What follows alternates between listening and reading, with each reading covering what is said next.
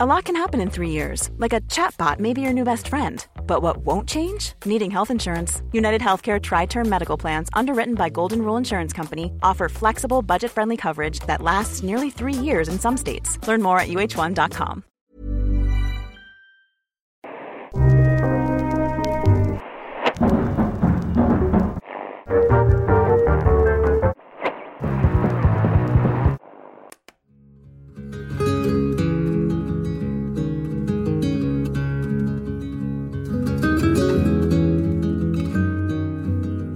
Är man den sorten som har svårt att värja sig mot män med orden i sin makt så är man förlorad. Det är det första och det främsta och det sista med honom. Stringensen, spänsten, rytmen, friskheten. Alla nyanserna. Hur han behärskar språket och får det att låta nytt och oanvänt. Aldrig just så. Aldrig någonsin tidigare eller senare och intensiteten. I förälskelsens förväntan och förhinder.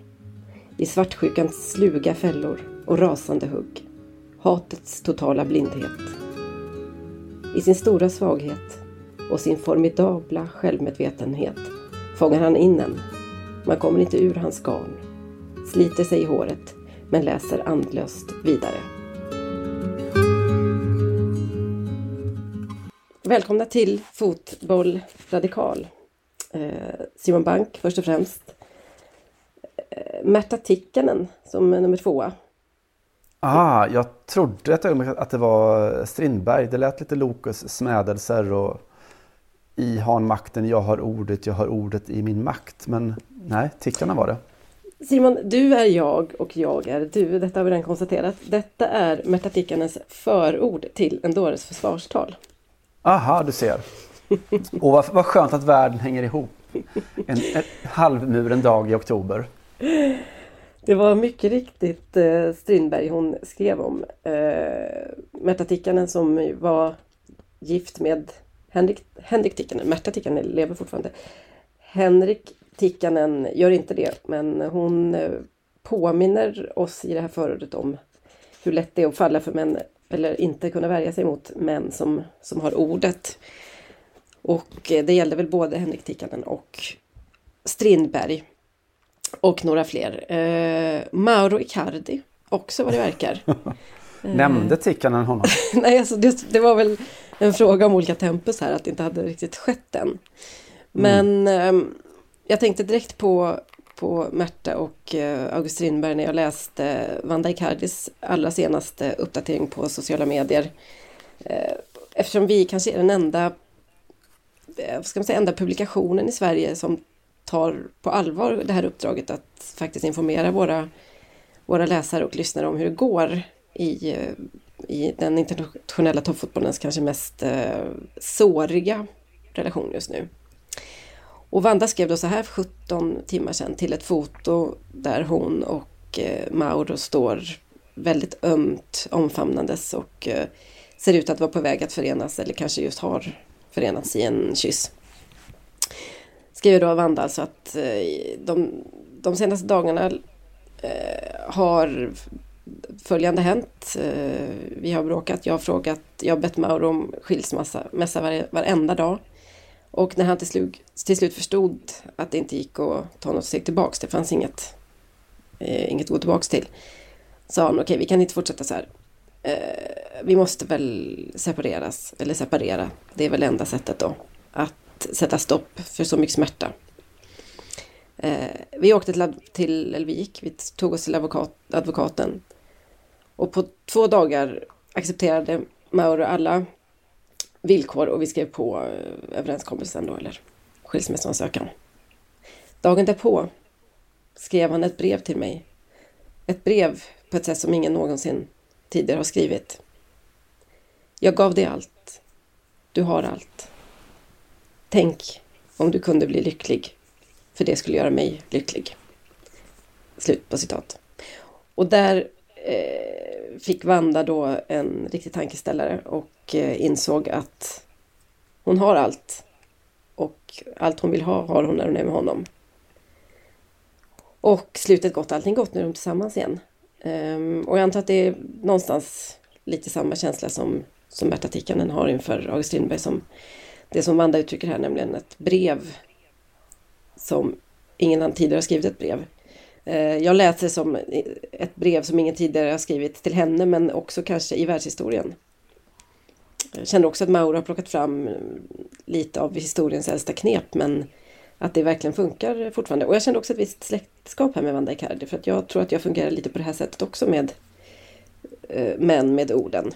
Har, har jag kvar dig Simon Bank eller? Ja, jag lyssnar ju andäktigt här, det gör. Man är glad att det, att, det, att det löste sig, eller vad säger du? Ja, alltså, man känner väl lite att, att det här är... Att den här kommer efter den här, vad heter det, TV, TV-skilsmässodramat med Scarlett Johansson. Marriage Story heter mm, den va? Mm.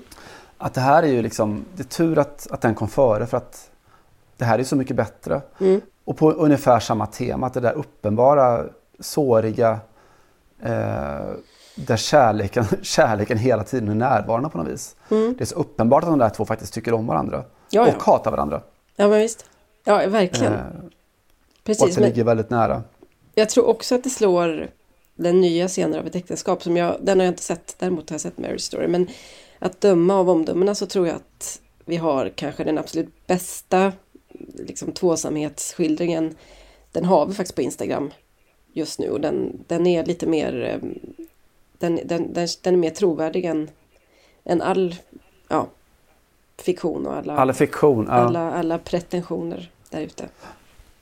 Nej, och det är ju, man vill ju det enda man vill just nu är att kunna läsa Mauro Icardis brev ju, till Wanda. Ja. Det känns ju som, alltså vi är inne på Strindberg. Det är ju mycket för öppna brev i den här podden. ja men den kan ju gå på någon sån här aktion på, på Sotheby's eller så om, om 200 år sedan som. Ja men verkligen. Alltså det är inte helt osannolikt att Maurus brev och någonting Strindberg skrev i Paris skulle kunna gå ungefär samtidigt. Ja, alltså gud ja. Man inser att den här stan gör saker med folk. ja, det, det är så det är i Paris. Det andra jag tänker på är ju eh, hur inom två dagar skriver hon så hade Maura accepterat alla mina villkor och vi skrev på eh, El Acuerdo, alltså avtalet och skilsmässoavtalet. Mm.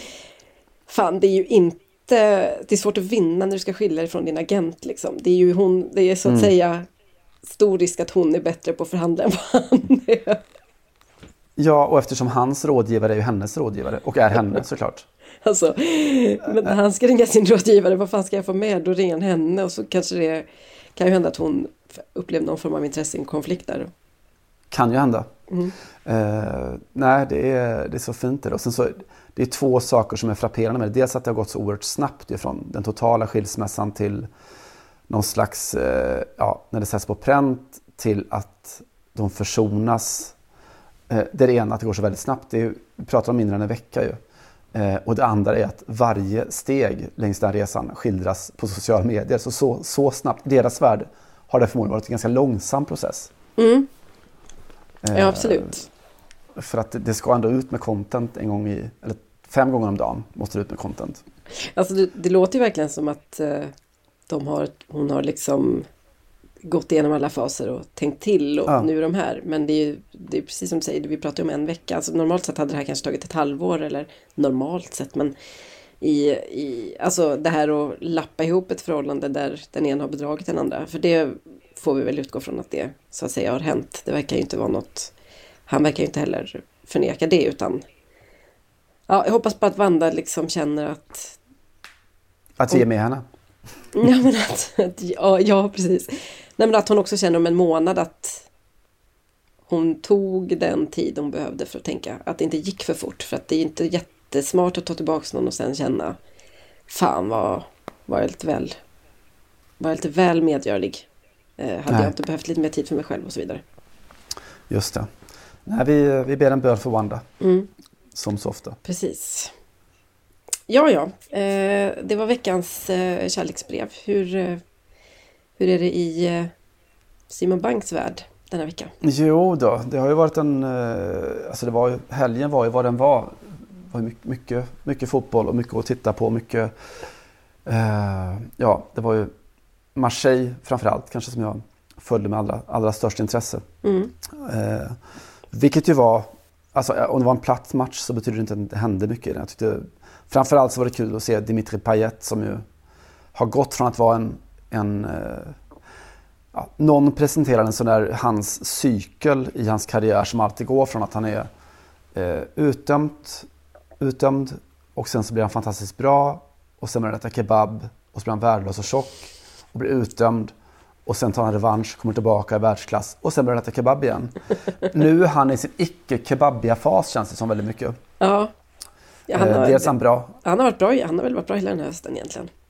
var bra hela hösten. Han eh, förnedrade, dribblingsförnedrade Messi, vilket var roligt. Mm, ja, fint. Eh, och att han också verkat axlat någon roll som ledare i IOM. Det var han som före match var ute och talade direkt till hela OM-familjen och talade om att det är, nu, nu är det dags att sköta oss och visa vilken fantastisk klubb det här är.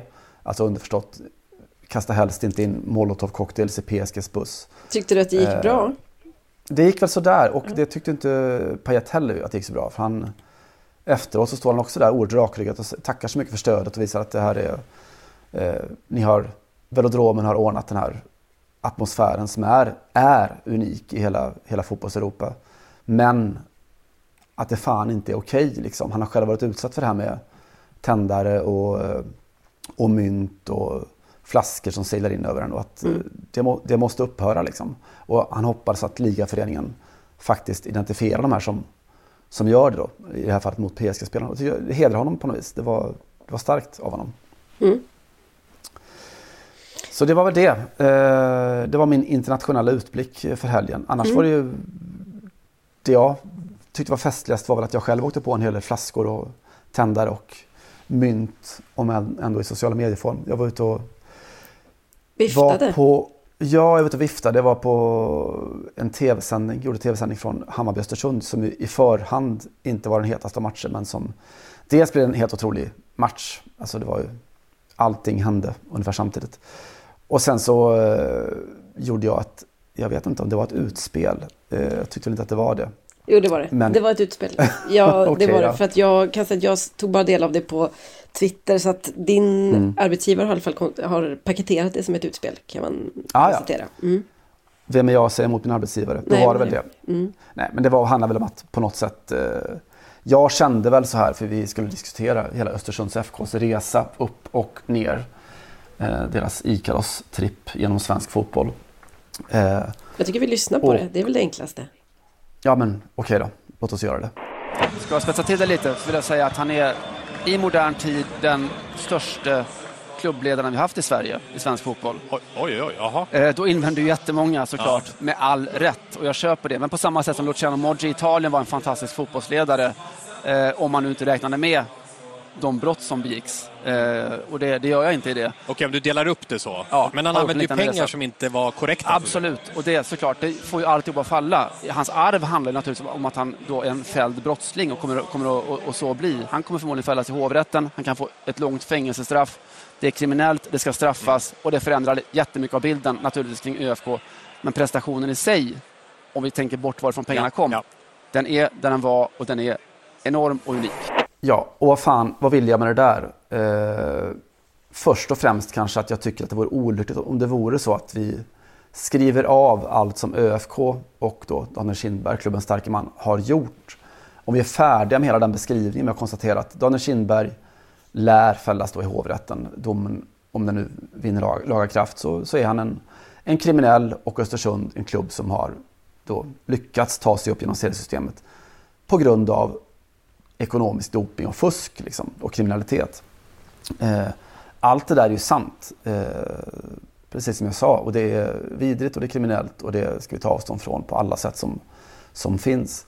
Men jag tycker också att om vi ska lära oss någonting av det, eh, lite mer komplext, så är det också att på den här resan så gjorde de och även Daniel Kindberg väldigt mycket saker som var visionära och spännande och intressanta. Alldeles oaktat om vi nu hade lekt med tanken, och det var det jag gjorde, lekte med tankar, att pengarna hade kommit från någon annanstans. Om det har varit så att eh, Jämtkraft klev in med alla de här pengarna eh, i ett sponsringsavtal snarare än att de var stulna från kommunen. Eh, och vi hade tittat då på vad de gjorde och vad de har gjort. Så fanns det väldigt mycket att lära sig av. eh, vad gäller scouting, rekrytering, visioner, identitetsarbete, kulturarbete, spelsätt och så vidare. Och allt det där handlar inte om Graham Potter som ju då Kindberg var den som, som eh, rekryterade och hittade. Eh, utan ganska mycket handlar också om hur de bedrev sin klubbverksamhet. Jag tyckte att det är också värt att titta på och lära oss av och diskutera utan att för en sekund ursäkta Daniel Kindbergs eh, eventuella brottslighet i det då. För det är just på om han uh, klev upp som en tänkbar svensk uh, Bernard Tapie.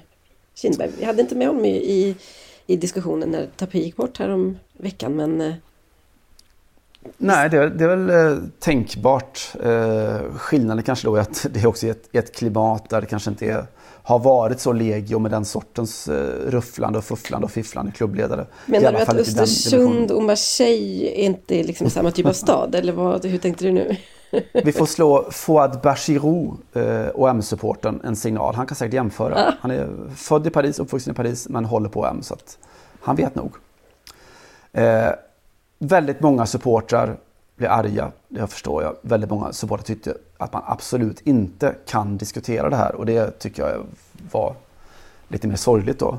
Eh, väldigt många av dem som då dök upp i sociala medier och i min mailkorg var ju bayern supportrar Det var deras match då som visades och de tyckte jag skulle hålla käften i princip.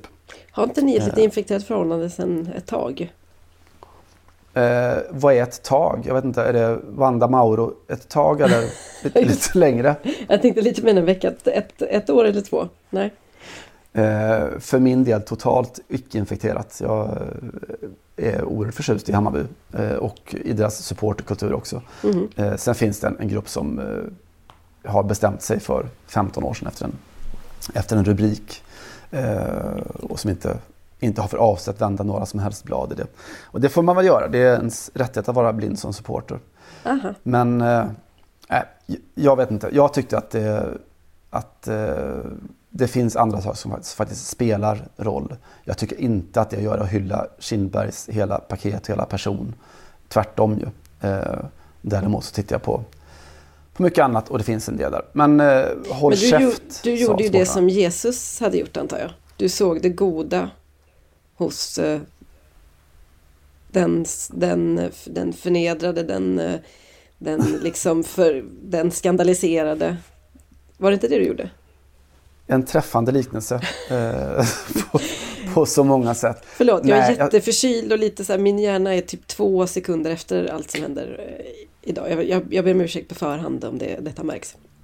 Inga som helst problem. Men jag vill däremot se det som att jag, jag var den som lyfte in eh, den såriga debatten om gangsterrappen på fotbollsarenorna. Det vill säga den som har pågått nu i ett gott år om går det att hålla isär verk och person? Går det liksom att, kan vi tycka att, eh, att Yasin gör saker som är intressanta och värda att lyssna på utifrån att det vittnar om en, en speciell om en samtidsproblematik och en, en fruktansvärd miljö. Och, kan vi lära oss någonting av det som, det som finns i den musiken? mm. utan att för en enda sekund eh, tycka att de är värda att hylla eller lyftas eller eh, ja, att det de sysslar med inte är totalt jävla vidrigt liksom. Ja, just det. Du tänker lite så här, kan man Måste man i god svensk puritansk anda ta avstånd från inte bara då Daniel Kindberg Östersunds IF utan, utan också Svansjön till exempel? Östersunds FK, exakt. Då, då ska, hörde, då ska allt bort. Och hörde, Östersunds IF. Och OP. Och allt. Hörde jag, hörde att jag kände mig lite osäker där. Det var de två sekundernas fördröjning där. Ja, det, det är inget du behöver komma ihåg. Det är inget du behöver komma ihåg. De är snart ur allsvenskan. Eh, ÖFK blir ju oftast inte IF, så att säga. Förlåt. Eh, ja, nej, men det... jag tyckte att det var intressant. Ja, men det är väl lite det som är eh, diskussionen här om alla deras eh, roliga tilltag med bland annat Svansjön. Eh, om mm. allt är bara, om vi bara ska pissa på det eller om man kan framhålla viss, han, eh, Daniel Kindbergs konst. Trots att eh, konstnären sitter, snart sitter bakom, bakom galler. Ja, Eftersom då enligt i alla fall domstolsbesluten så är det 5% av deras omsättning under de här åren som, som kommer från, på otillåtet håll. Eh, ja, nej, den, eh, den debatten är nu uppe på, på fotbollsläktarna också. Mm. Och det är, eh, var ju överraskande, det som överraskade mig mest av allt var att det fanns så många moderatpolitiker och, eh, och konservativa ledarskribenter på fotbollsläktarna. Jag trodde inte det. Nej. Eh, faktiskt. Och jag trodde det ännu mindre, eh, om man nu ska ta hela den här liknelsen och analogin i, i land.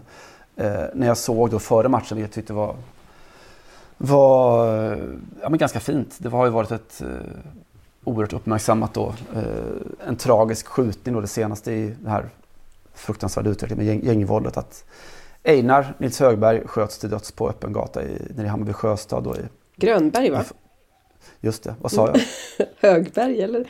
Eller var det ja, mina två sekunders fördröjning? Förlåt, ska vi, är, det här, är det här podden vi bara sitter och märker ord och namn? Jag tror att det är där vi landar. eh, ja, Einar Grönberg sköts ihjäl på öppen gata. Eh, helt enkelt. Och, och hyllades då med en banderoll på, från, från Bayerns ståplats där det stod Vila i frid Nisse eller något sånt där.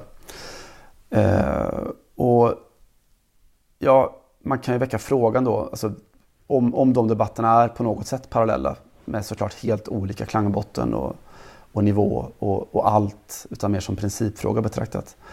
Så ja, vem var, vem var Einar liksom? Han var såklart fantastiskt begåvad. Han var fantastiskt begåvad på väldigt många sätt. En, en samtidsskildrare då i den här hårda, hemska miljön. Men han var också fälld för väpnat rån och för narkotikabrott och misshandel. Och, och eh, också i debatten och anklagad för att ha glamoriserat det här gäng, gänglivet som skördar eh, våra unga grabbars liv i parti och minut, vecka ut och vecka in.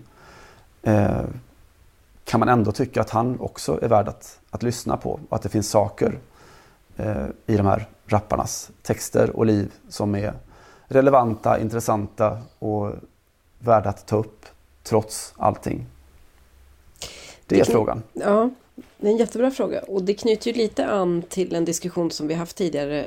Och då gällde det väl kanske ganska mycket de här fotbollsspelarna som på internationell toppnivå som oftast är dömda för lite mer sofistikerade brott då, skatteplanering och eller sofistikerade för den delen. Men äh, många är ju dömda eller misstänkta för uh, våldtäkt till exempel eller sexuella trakasserier. Det har vi pratat om. Och jag vet att när vi diskuterade Ronaldo Majorga-fallet så mm. eh, tangerade vi också det här. Hur, hur förhåller man sig då till en, eh, som han då var misstänkt fortfarande, ni vet vad, ungefär vad som hänt sedan dess, ingenting mer än att han antagligen aldrig kommer dömas, men det finns starka indicier och, och det finns eh, framförallt eh, handlar väl problematiken med att bevisa det hela att man inte anses få använda läckta dokument. Hur som helst eh, kan man ska man stötta, alltså ska man hylla Ronaldo eh, fortsatt o, oförändrat? Jag tycker ju inte det. Jag tycker att eh, fotbollen och idolskapet betyder någonting mer än, än en obestridlig talang. Eh, ska man applådera honom när han gör mål? Det får folk gärna göra och det kommer de fortsätta att göra. Jag hade haft lite svårt för det också. Ska man, eller får man, eller kan man eh, titta på hans konst i, mm. om man kollar på gamla klick på Youtube. Obs, det, allt det här får man göra. Ja, det är bara en, en principdiskussion. Och det tycker jag är, är någonting annat. Och det, det, det, finns en skillnad i att göda faktiskt en industri genom att betala mm. inte vet jag, inträden eller köpa tröjor eller stötta en klubb som um, gör den här typen av transfer. Eh, det som Fredrik Backman slutade göra, vi pratade om det i förra veckans mm. avsnitt. Eller konstatera att eh, den här typen av eh, mål eller dribblingar eller fotbollsakrobatik är alldeles unik för Ronaldo eller vem du vill. Vi kan ta Maradona som ett exempel också som ju eh, hade en hel del mindre smickrande sidor och incidenter under, under, sitt, eh, under sin livstid. Eh, men att det ändå där kan man skilja på sak och person eller sak och person och yrkesutövande kanske snarare. Eh, och så vidare i all oändlighet. Mm, absolut, och det, det, det går ju vill så här, återigen inskärpa att det här är liksom ingen, ingen lustifikation från min sida att göra, att göra analogin eller liknelsen mellan, mellan gangsterrappen och just alltså, Östersundsfallet. Eh, Östersunds IF. Östersunds IF-fallet. För, för att jag tycker att det är i mångt och mycket så diskussionerna på olika nivåer tangerar varandra. Och man kan liksom då sådär, Ronaldo, nej men det, det, alltså hans, hans eh, då våldtäktsanklagelserna eller eventuellt sexövergrepp är inte en förutsättning för hans framgångar på fotbollsplanen, snarare tvärtom då. Eh, i, I fallet med, med Östersunds IF så mm. går det absolut att argumentera för att ja, förutsättningen för att de då lämnar sitt division 2 eller division 1 eh, kan absolut tillskrivas till att man har fuskat sig till pengar då, eller att Kindberg har fått oss mm. pengar. Mm. Eh, absolut, allting som ÖFK gjorde, alltså att ta sig så långt som man gör till slutspel i Europa League och slå Arsenal och slå klubbar både i Allsvenskan och ute i Europa som har enormt mycket större resurser kan man inte förklara med det här då. Att de fick chansen att göra det kan man kanske förklara med det, men inte att de gjorde det. Mm. Och då ja, kopplingen till gangsterrappen eh, som kanske är intressant då.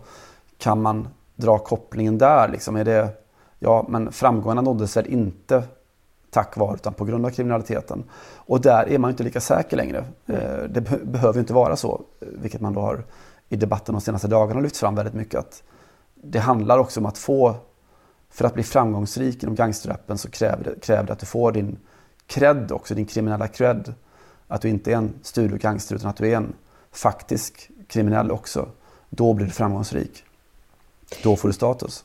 Men jag vill hävda att det faktiskt finns en liten parallell om ändå helt formell då på fotbollsnivå, på herrfotbollsnivå i alla fall har det funnits det fram till, till nu och fram till metoo. Och det handlar absolut inte om att du måste begå sexövergrepp för att bli bra på fotboll. Herregud, det är inget är väl mer främmande.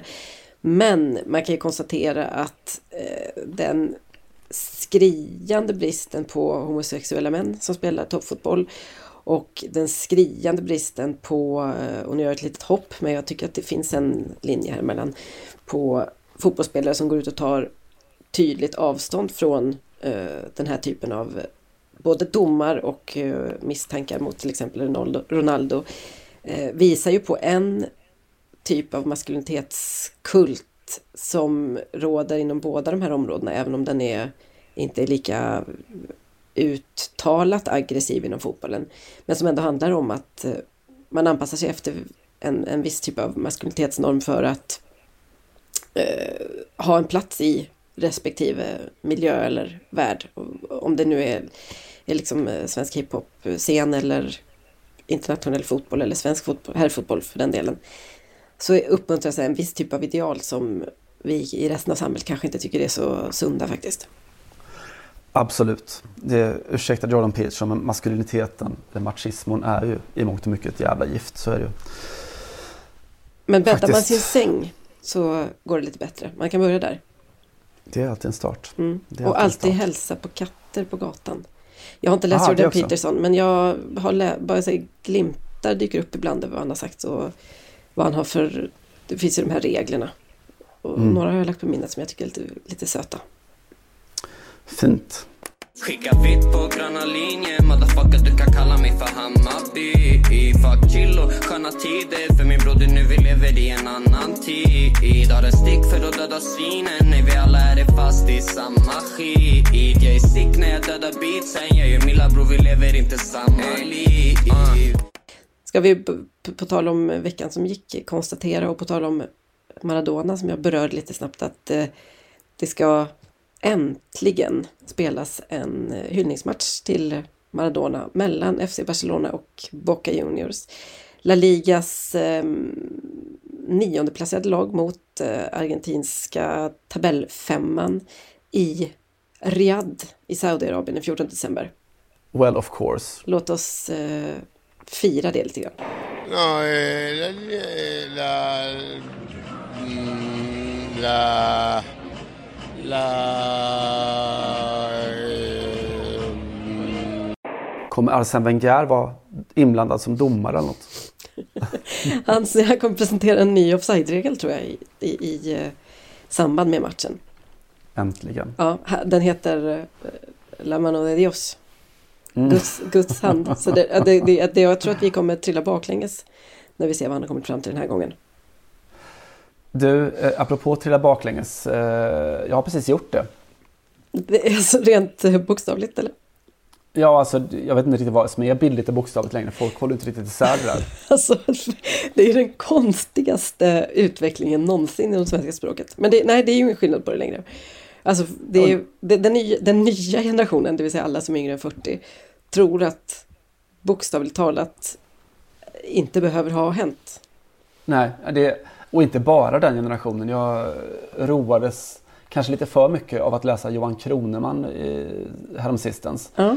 När när han skriver, om, han skriver om radiosporten och om sin barndom där han och pappa sitter bokstavligt talat klistrade framför radioapparaten. Och jag tänker att han har precis ju släppt sina memoarer och skrivit om sin far och deras komplicerade relation och en tuff uppväxt och så. Men han nämnde fan ingenting om de här att han faktiskt blev klistrad till en radioapparat. Det är helt vidrigt ju. Ett jävla skitstil.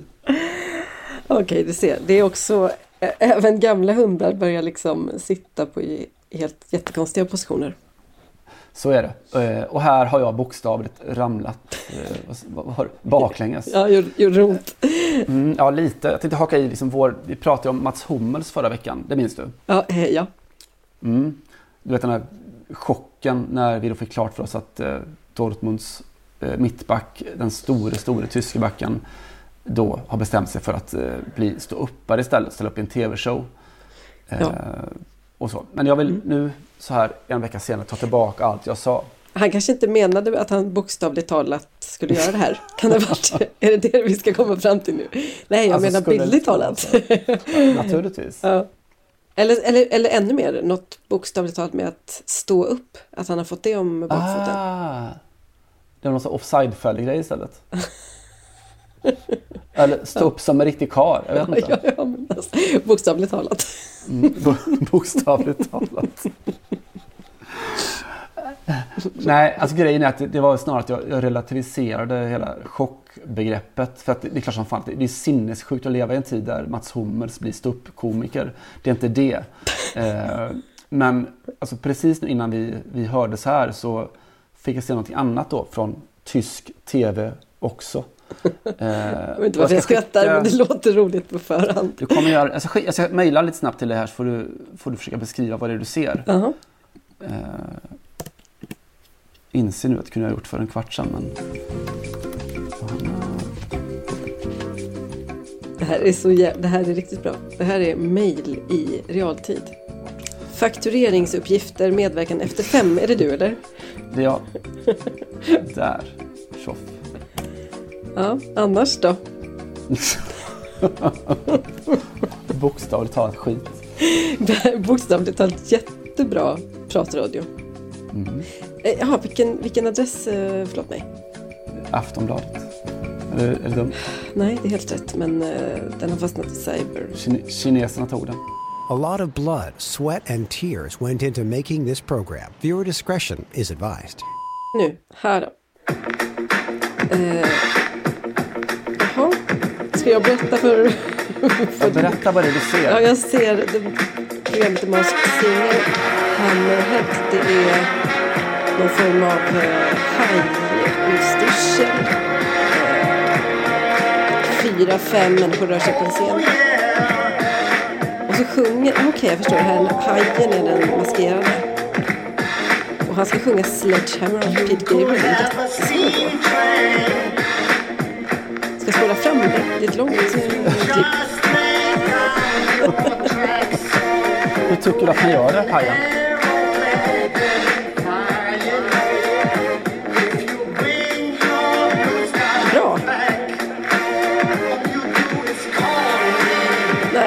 Lite sämre där.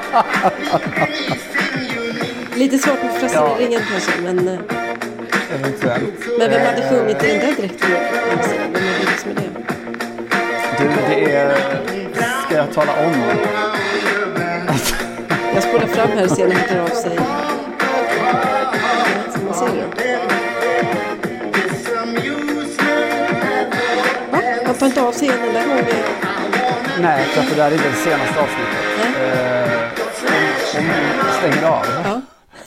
in, in, innan du dör. Det, det, det, det såg alltså en hammarhaj i den, Jaha. eh, som du så riktigt sa, den tyska versionen av Masked Singer. Har du sett Masked Singer någonting? Nej.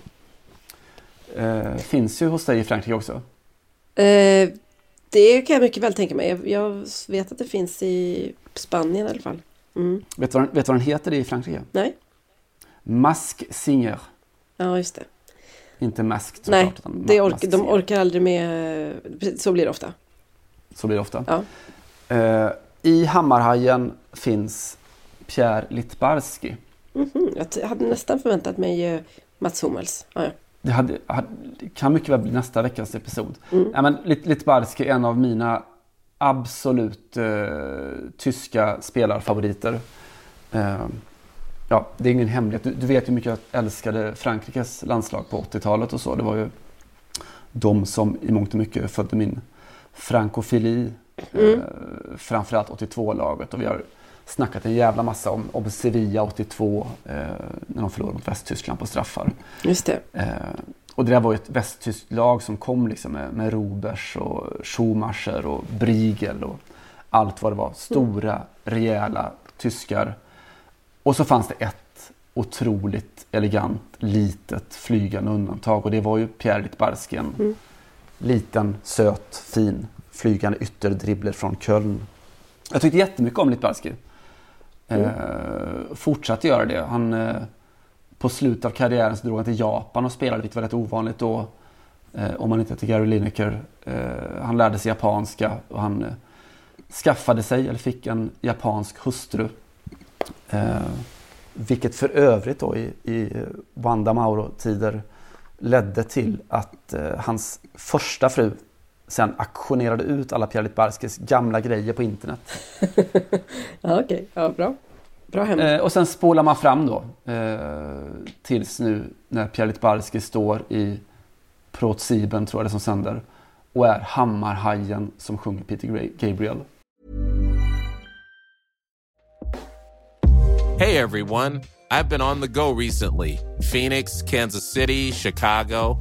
If you're like me and have a home but aren't always at home, you have an Airbnb. Hosting your home or a spare room is a very practical side hustle. If you live in a big game town, you can Airbnb your place for fans to stay in.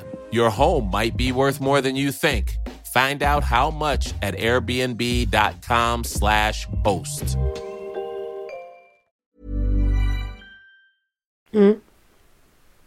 Eh, det känns Fel. inte bra. Det känns helt igenom fel. Fel som fan, som en tysk indian som Olle Ljungström sjöng.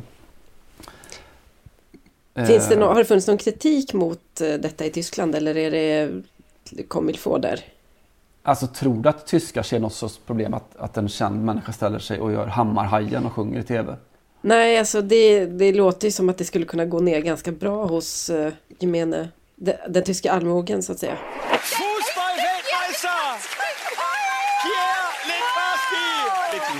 god! Wie cool!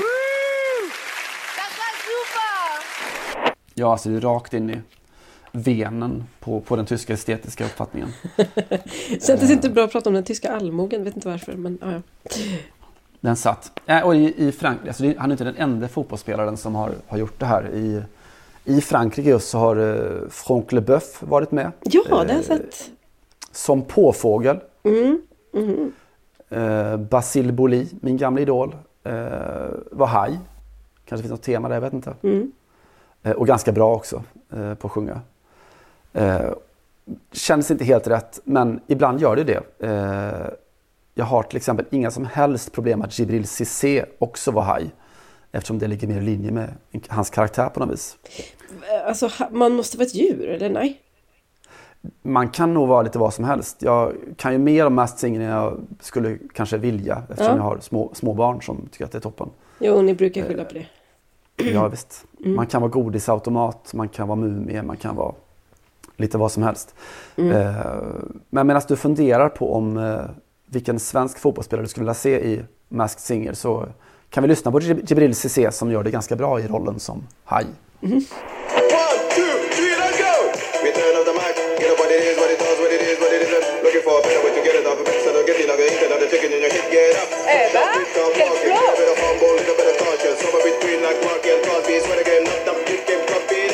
Cissi är ju faktiskt, eh, han har ju en parallell eh, karriär som DJ. Han var ju faktiskt uppvärmningsakt för Mariah Carey i Paris för bara några år sedan. Sug på den. Klart han var. Ska kolla så att jag inte ljuger. Kände jag bara, det kanske jag gör. Du kanske inte menar bokstavligt talat? Nej, så kan det ha varit. Eh, Du vill att jag ska säga en svensk? Äh, fick du bara någon feeling för någon så Ja, alltså eh, Thomas Ravelli känner jag ju given. ah, Mm. Jag ljög inte om Mariah Carey. 2016 var detta. Just det. Ravelli skulle ha lite samma problem som, som Litbarski hade. Litbarski var ju mest rädd för att, han, att juryn skulle känna igen honom då, kunna avtäcka masken. Det är hela programmets eh, ja, grunddramatik, sådär, att kunna gissa vem det är bakom masken. Eh, och han står i så här full Hammarhaj-kostym, men benen syntes ju. Och eh, Litbarski var känd för att han hade eh, någon slags halv Garincha-grej, att han var så fruktansvärt hjulbent. Så han, eh, han tränade och la sig till med en, en ny ståstil där, han, där benen såg lite rakare ut. Oj. Eh, Ravelli skulle också kanske kunna, med ankfötterna, skulle kanske kunna avslöja honom.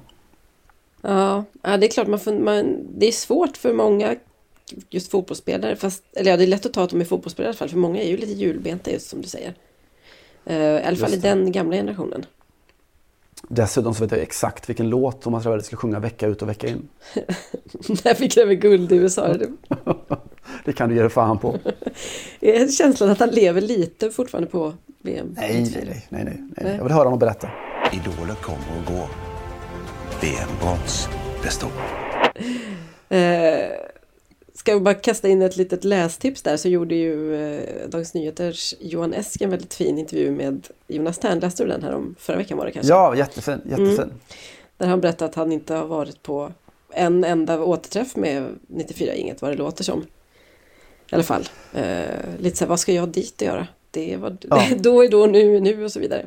Mm. Också var- en uppgift som, som förklarar allt som man tycker om med Jonas Tern och allting man också har lite svårt för med Jonas Tern samtidigt. Mm. Ja, men lite så. Ett skäl att älska och att, eh, ja, något annat.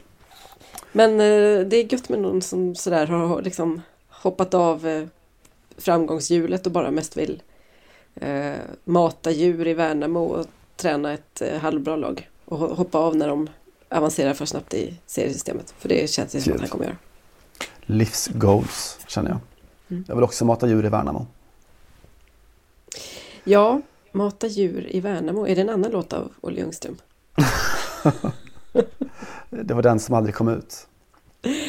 Jag kan faktiskt eh, hugga i lite där med eh, Jonas Tern och Thomas Ravelli. Eh, nu blir det rant, men jag återkommer till dem eh, båda. Jag nåddes nämligen av ett eh, mejl i veckan, eller förra kanske, av den typen som vi har pratat om tidigare, eller jag vet att jag har tagit upp det, att man får lite oklara mejl från olika statistiska institut som på ett eller annat sätt mäter någonting som har med fotboll att göra. Och eh, de är oftast personliga. Hej Johanna, eller ja, på engelska nästan alltid. Vet du vad vi har kommit fram till? Da, da, da. Eh, bland annat det är sådana som kommer fram till att eh, med hjälp av algoritmer vem som är världens vackraste fotbollstränare, det minns du kanske? Hansi Flick. Mm, precis det. Eh, nu har i alla fall eh, något av de här instituten eh, räknat på vad som är den vanligaste månaden för att bli, vad ska man säga, för, för att vinna VM helt enkelt. Mhm. Ja, den är konstig. Alltså det är ju en jättekonstig eh, tankebana här man får göra. Det, det är... Ja, men om du tänker dig... Hur, om man räknar på tusen eh, fotbolls-VM-guldmedaljörer. Mm. Vad är det vanligaste, vad är den vanligaste månaden som de då är födda i? Ja. Vill du att jag gissar det där? Ja, Eh, september. det är en svinbra gissning. Eh, inte för att den är rätt, men för att den är väldigt eh, sannolik.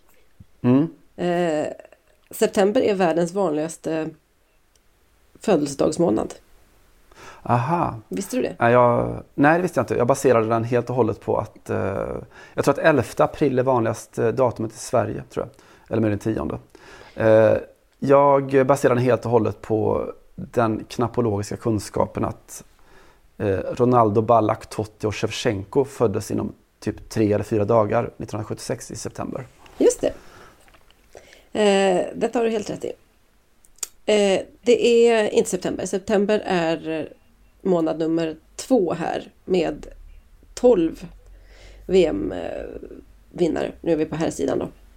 Mm. Eh, däremot har vi hela 16 stycken som är födda i november. Pratar vi herrfotboll nu eller? Vi pratar här fotboll. Eh, för stunden pratar vi här fotboll. Hej Johanna, vad har Ryan Giggs, Gary Lineker och Ria Ferdinand alla gemensamt? Alla är födda i otrogna. november. alla de har inte vunnit VM-guld vad jag vet. Men eh, oavsett det så kan man konstatera att eh, november, och, eh, trots att ingen av de här tre har, har vunnit VM, så är november den eh, månaden med absolut flest, flest eh, och, och mycket, liksom, mycket vattenbärare, om du förstår vad jag menar. Absolut inte de största eh, spelarna i eh, världen på något sätt, utan eh, den här, de här lite, lite mer eh, komplementspelare eller kanske, ja, inte vet jag. De, de som också behövs i ett lag, om du förstår. If you know what I mean. I do. Eh, vilket fick mig undra lite då hur eh, Sverige ligger till när det kommer till eh, no- novemberkvoten. För nu står det ju utom allt tvivel att man måste ha eh, en eller ett par spelare födda i november för att det ska, för att det ska bli något, så att säga. Tittade då på eh, Sveriges senaste damtrupp. Den som eh, är uttagen eh, nu precis i oktober månad. Eh, och eh, kastade med ett par av de usual suspects eh, som inte var med. Caroline Seger och Kosovare Asllani också. Mycket riktigt så har vi två födda i november, vilket är ett rätt så genomsnittligt utslag då på en 23, 24 spelare, 25 kanske. Eh, Madeleine Janogy och Fridolina Rolfö. Eh, bra jobbat. Tittade tillbaks lite bara för att få ett eh, referenstal. VM-truppen 2003 när Sverige eh, spelade VM-final. Och eh, vi också kan räkna med att det var en helt annan uppsättning av spelare. Eh, Caroline Jönsson, Hanna Marklund, båda födda i november. Förstår du vad jag menar när jag säger eh, vattenbärarspelarna? Ja, gud ja. Eh, tittade lite på Sveriges herrtrupper. Eh, det är nu vi kommer till, till eh, Ravelli och Tärngänget. 94-truppen, Thomas Brolin och eh, Roland Nilsson födda i november. Tittade på 2004-truppen. Eh, då när Sverige var en, vad ska man säga, en ribbeträff eller flera stycken från att slå ut Holland och ta sig till semifinal i EM. Ni vet ju alla vilken, vilken jävla trupp det var, vilken startelva Sverige hade. Zlatan, Ljungberg, Henke. 2004-truppen då, Erik Edman och eh, Alexander Östlund födda i november. Förstår vad jag menar när jag säger vattenbärarna? Die Wasserträgen, ja absolut. Eh, und so weiter. Och så tittade jag lite på hur vi har det just nu då. På här sidan. Eh, det ska ju ändå spelas eh, mästerskap här om ganska exakt ett år. Och då kan jag berätta att vi i EM-truppen från i somras då. EM 20, det som blev 2021 EM. Noll Jaha, spelare födda i november. Inte en enda på här sidan. Eh, tittade lite på senaste truppen också, för det har hoppat av några, kommit till några sedan dess. Eh, en enda född i november som har spelat fotboll under hösten med svenska landslaget. Eh, vet, kan du gissa vem det var? Nej, jag kan inte. Ge mig. Ja, det är en vattenbärare. Ja, det är Daniel Sundgren. Han har gjort ett inhopp mot Uzbekistan. Åh herregud. Mm. Och nu är det tråkiga att eh, det spelar ingen roll vad Daniel till VM känner jag. Ja, alltså jag tror Jan Andersson inte har något riktigt val här. Utan eh, det får nog ta ut Danielsson, kosta vad det kosta vill och så vidare. Eh, och då kanske det är dags att, att matcha honom lite mer än bara små inhopp i vänskapslandskamper och så vidare. Jag att Ni- Nils Lidholm hade gjort det. Han var ju, hade, skötte ju laguttagning via astrologi. Ja, precis. Raymond Domenech hade väl gjort samma sak och så vidare. Ja. Den var så dum och, och jag, så då, då inte jag ser mig att utnyttja det.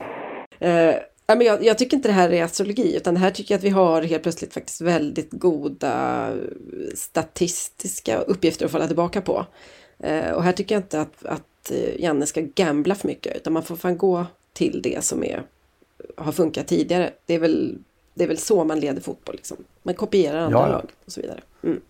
Ja. Eh, annars ska jag konstatera att eh, dagens trupp då har sex spelare födda i juni, 4 januari, 4 april. Men eh, förutom Daniel Sundgren då som väl inte är att betrakta som ett riktigt ett fast inslag i den här truppen så finns det ingenting. Eh, vad kan man göra då på ett år? För att eh, det är som sagt ganska, ja det är väl ett år kanske tills Janne ska presentera VM-truppen. Börjar där i slut, det börjar i november. Eh, tittade lite på eh, Sveriges U21-trupp då på här sidan. Den som eh, togs ut nu i oktober när eh, Sverige VM-kvalade. Av 23, noll födda i november. Oj, oj, oj. Så det finns ingen som helst återväxt på novembersidan heller. Alltså det finns verkligen inget som helst hopp här på här, här sidan. Eh, Inte en skorpion. Ehm, det kan jag inte svara på för de ligger väl inte rakt över månad. Det brukar Nej, väl byta där Det överlappar lite. 22, 23 någonting. Eh, det kan du ta reda på till nästa vecka tycker jag. Om, eh, jag. Jag vill inte göra det här till en tjejspaning. Då hade jag ju givetvis gjort en, en eh, astrologispaning. Men om du känner i månad så, så ser jag fram emot den. Ehm, då kanske man också kan komma på vilka som absolut inte ska spela på mittfältet ihop. För man Mm. har ascendenten i Venus och så vidare. Men håll med om att det är lite skakande att, eh, att Sverige då under väldigt många år eh, på dam och herrsidan har haft eh, nästan ganska exakt alltid två eh, vattenbärare födda i november. Med vattenbärare menar jag ju alltså fina eh, startelspelare eh, som eh, men som inte har varit de stora stjärnorna då, inte liksom glänst offensivt på något sätt. Och sen mer och mer gått ifrån detta Eh, trots eh, 94-truppen, trots eh, 04-truppen. Och numera alltså bara förlita sig på Daniel Sundgren som dessutom bara får ett inhopp mot Uzbekistan innan han kastas ut igen. Eh, känner inte du att det här är en, en alltså blir inte du lite besviken på Jan Andersson? Det är, väl det, jag, det är väl det jag känner. Jag känner att han är jävligt noggrann med mycket detaljer men den här har han missat rakt av. Totalt. Kanske för, av det där skälet att det inte finns några kvinnor i, i, staben. Eller hur? Alltså tjejer gillar astrologi, tjejer gillar sånt här tänker jag. Ja, tjejer gillar eh, precis sådana här lite övernaturliga grejer tänker du på. Ja, alltså jag tänker Susan Miller in i staben, så känner jag spontant. Eh, jag tänker att han borde åtminstone i alla fall ta del av, det kom en forskningsrapport från Umeå universitet tror jag det var, i, eh, i veckan där de granskade vilka sorters sjukdomar som hade ökad risk beroende på vilken månad man är född i. Där det finns ganska tydliga mönster.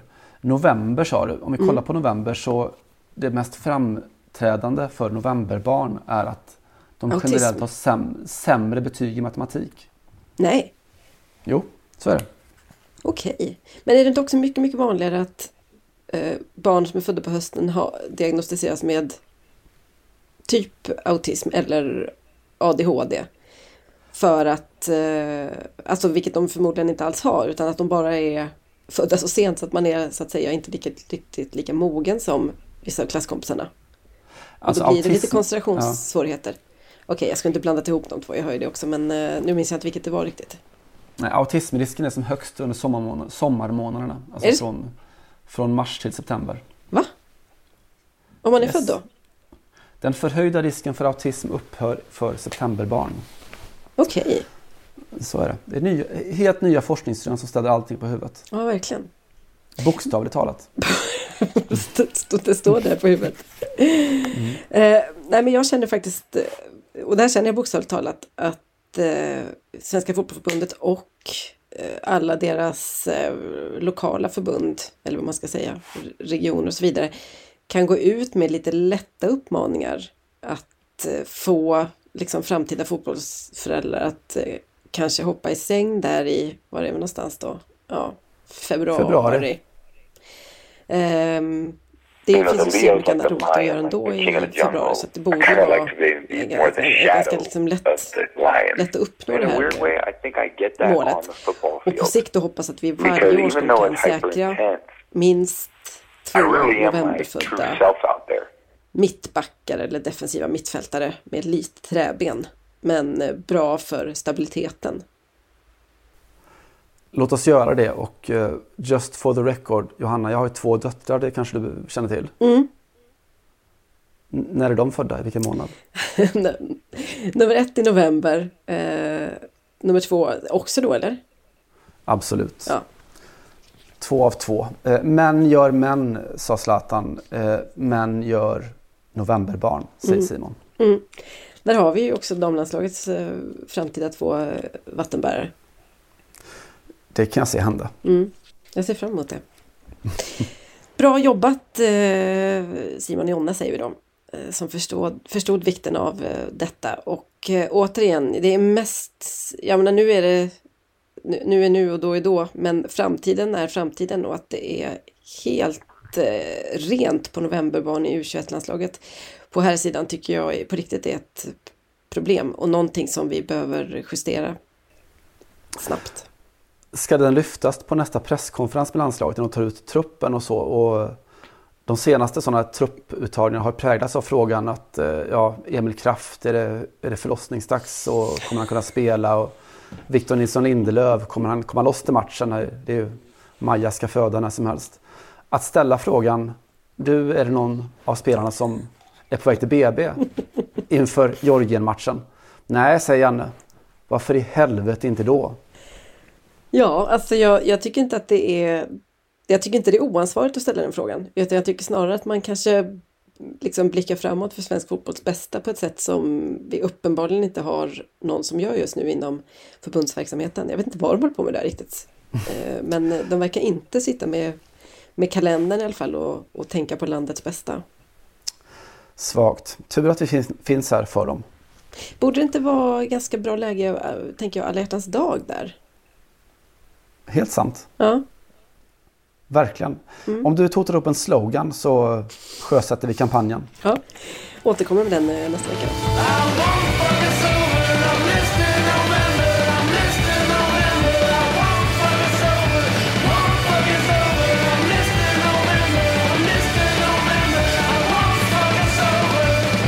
Fint. Mm. Eh, jag tänkte småbörja runda av den här veckan med att, eh, en liten anekdot kan man väl säga som eh, känns som att det är lämpad för oss. Mm. Eh, jag läste en intervju med Paolo Bertinetti eh, i La, Repubblica. Han är Bertinetti professor i litteratur vid universitetet i Turin. En väldigt sån tung litteraturauktoritet i Italien. Mm. Han har skrivit sina praktverk om engelsk litteratur framförallt då. Specifikt engelsk dramatik, teater mest då. Eh, fotboll då? Jo då, han eh, har alltid gillat fotboll, Bertinetti, men aldrig mer än han började göra 2006. Eh, 2006, Turin. Eh, jo då, det var ju hela Calciopoli-härvan som Mm. nystades upp då. Eller Farsopoli-härvan som Bertinetti brukar säga. För att det var en fars då eller? Ja, ett totalt justitiemord hävdade han. Och han var inte, inte ensam om det. Han eh, drog igång, var med och grundade eh, Associazione Nazionale Amici della Juventus. Alltså vänskapsförbundet för Juventus. Eh, tillsammans med ett gäng andra högdjur från, från akademin, massa humaniora institutioner eh, på italienska universitet. Men också de här tv-kändisar och gamla idrottslegendarer och sådär. Som alla då ville dra en lans för Juventus. Eh, de skulle inte berövas på ligatitlar, de skulle inte straffas hårdare än någon annan och så vidare. Eh, Bertinetti är då, jag sa att han var auktoritet och det är inte att ta i, så han har hängt med Nobelpristagare i litteratur och, och sådär. Harold Pinter bland annat har han snackat eh, med och hängt med. Och han berättar då i den här intervjun med La, Repubblica om när han åker för att hämta Salman Rushdie på flyg, flygplatsen eh, sent 90-tal. Eh, Salman Rushdie har precis skrivit Satansverserna eh, och är ju ganska het så att säga. Har han en fatwa på sitt huvud? Eh, Han, jag tror inte han har fått fatwan än men Nej. den är väl på, på ingång. Den eh, finns väl i korten på något sätt. Ja, just det. Eh, Fa- Fatwa coming in och så vidare, är det så tänker du? Fatwa coming in. Ja. Eh, och Bertinetti sitter i sin bil och är liksom förberedd på att nu, nu jäklar ska vi snacka om fattvor och yttrandefrihet och ja, nu ska vi ha en timmas Lars Vilks diskussion här. Mm.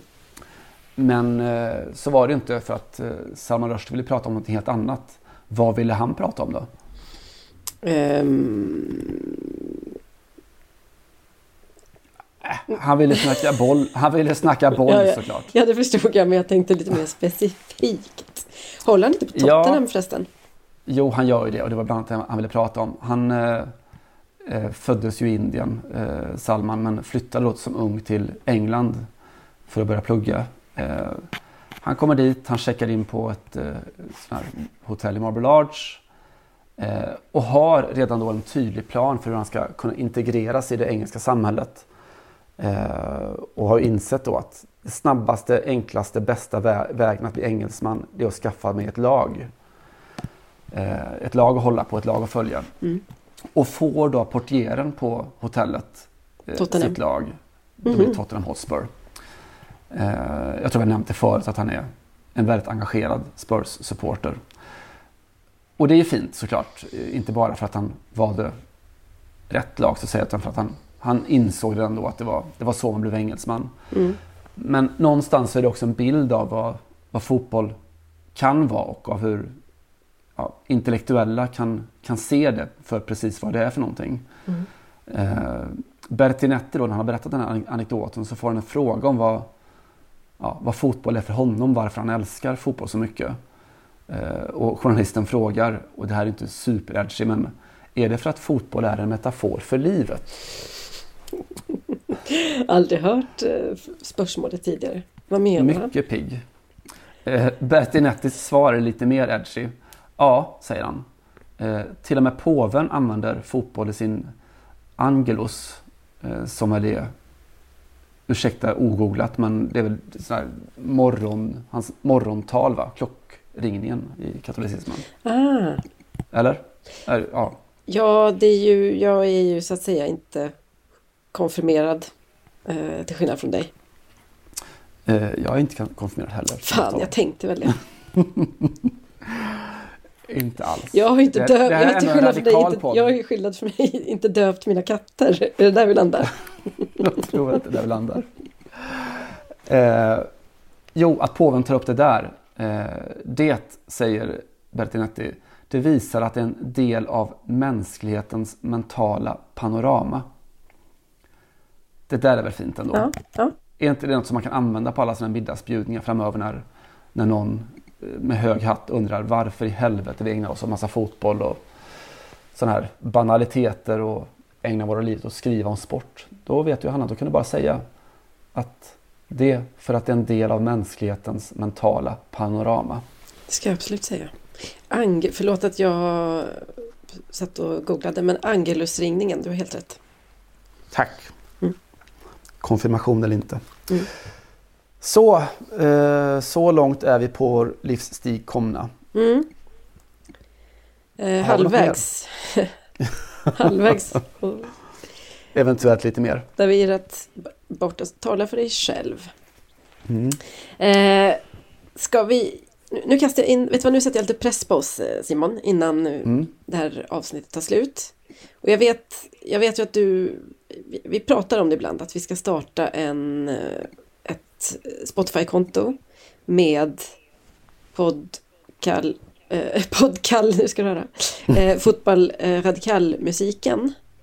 Just det. Ehm, du, det blir liksom aldrig riktigt av och jag antar att det på något sätt har med Daniel Ek och, och Arsenal att göra. Så att jag tar väl på mig att göra det den här veckan. Eh, nu finns det dessutom så att säga på, på, på band och på tejp Mm. så jag kan inte mm, eh, inte inte göra det. Eh, det var min lilla eh, nyhet. Vi kastar ut det på Twitterkontot också när kontot på Spotify är upprättat. Och där eh, lägger vi ut all musik som har någon form av, vad ska man säga, något, något ärende i podden eller kring podden på något sätt tänker jag. Det låter fint. En Mm. liten present. En present. Det ska vi göra. Eh, ska jag runda av eller har Mm. något mer att inflika? Nej. Jag rundar av. Ja. Eh, och det kommer ett kulturtips då på slutet. Eh, kulturtipsen ska väl av hävd eh, och i någon sorts ordning och reda eh, linje vara saker som man har konsumerat, som man har läst eller sett eller hört eller så. Men den här gången så tänkte jag ta mig friheten att puffa för någonting som jag inte har hunnit läsa än, men som jag, ja, för att det låter så förbannat intressant helt enkelt.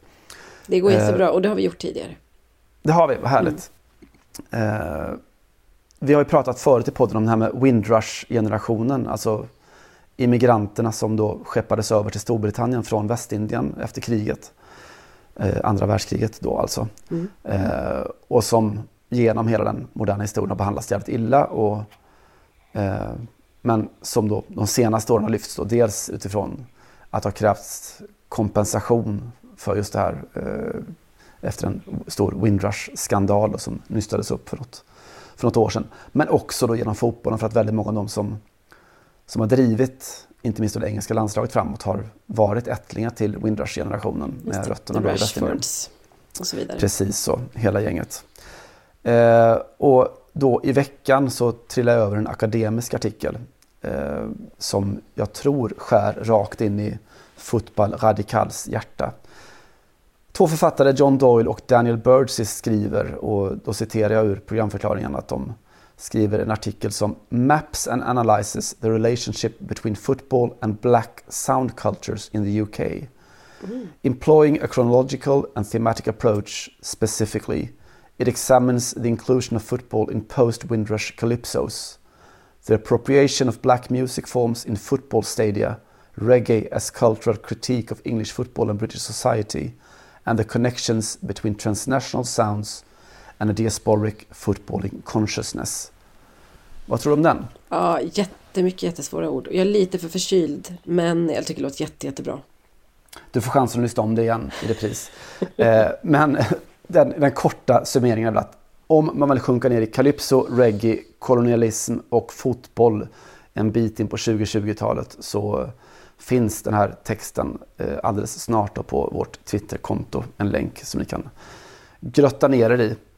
Eh, och orkar ni inte läsa eh, om ni är förkylda eller så, så kan vi skicka med lite musik på vägen. Jag gör det. Det här är Clement Barshay med Football Reggae från 1972. Som jag tror säger allting som vi egentligen behöver veta eller känna en kall vecka i oktober 2021. Och med det så säger vi på återhörande om en vecka. Tack så jättemycket och kram! Kram! Merci! Koko! Football is the game today. Football is the best game, I would say. Football is the game today. The game to play. What a season full of Du har lyssnat på en podcast från Aftonbladet. Ansvarig utgivare är Lena K Samuelsson. They just appointed leads. Wembley is the stadium where finals are lost and won. From seasons gone to seasons.